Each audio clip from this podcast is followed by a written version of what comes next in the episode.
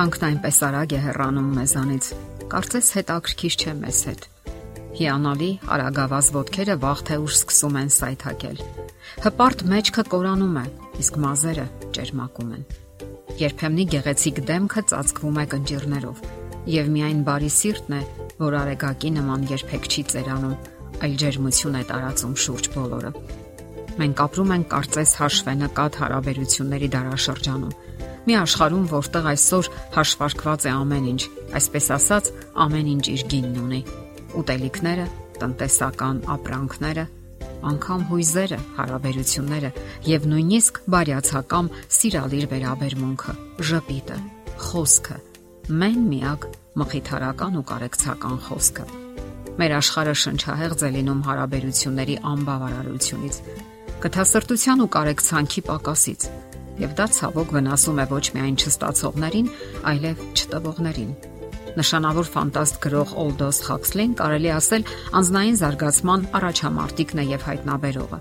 Եվ ահա նշանավոր գրողին այսպիսի հարց են տալիս. Ինչպես բարելավել սեփական կյանքը։ Պատասխանն ավելի քան սպառիչ էր եւ ուշագրավ։ Ձգտեք մի քիչ ավելի սիրալիր լինել։ Նշանավոր գրողը իսկապես ճիշտ էր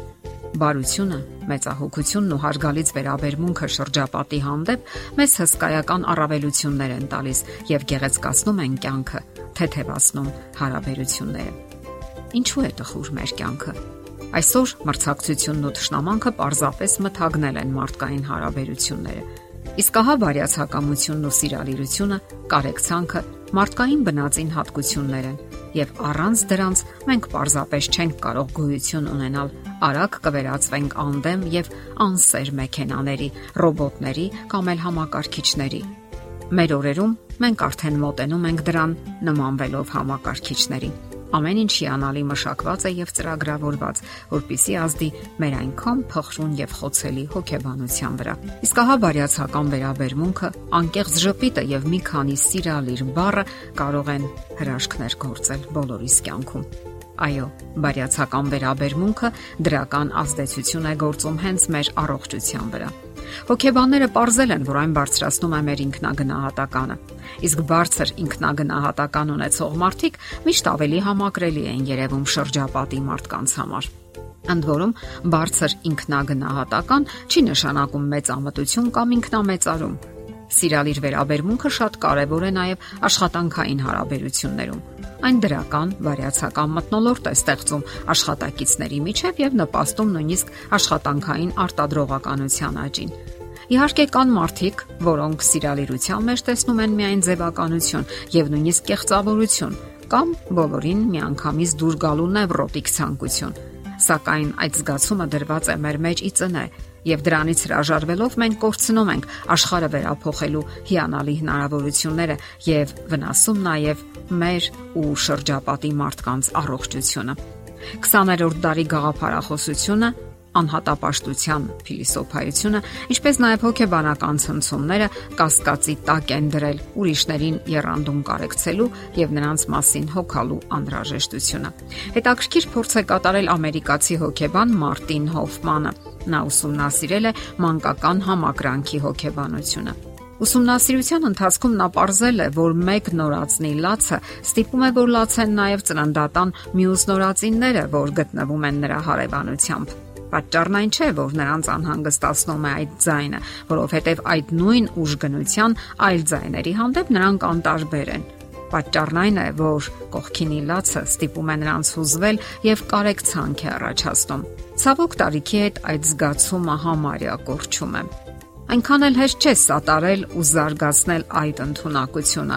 արձագանքել ուրիշի հիմնախնդիրներին ու զգացմունքներին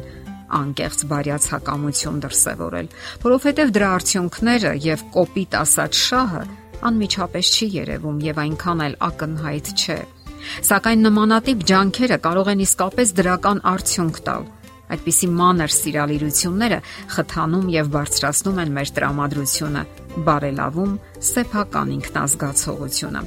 Ամերիկացի հոկեբան Սոնյա Լյուբոմիրսկին փորձել է չափել այն օգուտը, որ մենք ստանում ենք բարյացակամ վերաբերմունքից։ Նա երկու խմբի է բաժանել ուսանողներին։ Մի խումբը պետք է բարի գործեր կատարեր, իսկ մյուս խումբը ոչ։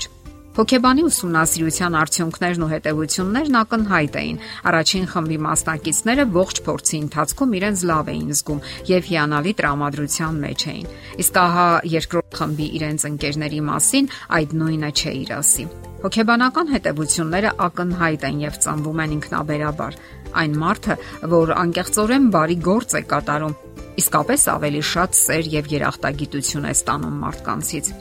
Իր հերթին այդ ստացած երախտագիտությունն ու սերը օգնում է նրան, որպիսի փոխադարձի այդ զգացումները եւ այդ շղթան կարող է անընդհատ նոր օղակներ ավելացնել։ Չէ որ բարությունն է, որ կարող է փրկել աշխարհը, իսկ ահա անբարյացակամությունն ու անհոգի վերաբերմունքը համապատասխանաբար նմանատիպ վերաբերմունք են ծնում այն ստացողի կողմից։ Եկեք չմոռանանք նաև գրկախառնության մասին։ Գրկելով ծնողներին մենք հանգստանում ենք Գրկելով սիրելիներին մենք երջանկանում ենք։ Գրկելով երեխաներին մենք բարի ենք դառնում։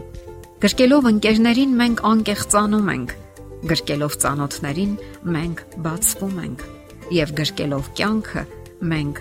իմաստուն ենք դառնում։ Դե ի՞նչ, եղեք սիրալիր եւ բարյացակամ։ Եթերում առողջ ապրելակերպ հաղորդաշարն է։ Ձեզ հետ է Գեղեցիկ Մարտիրոսյանը։ Հարցերի եւ առաջարկությունների համար զանգահարել 033 87 87 87 հեռախոսահամարով։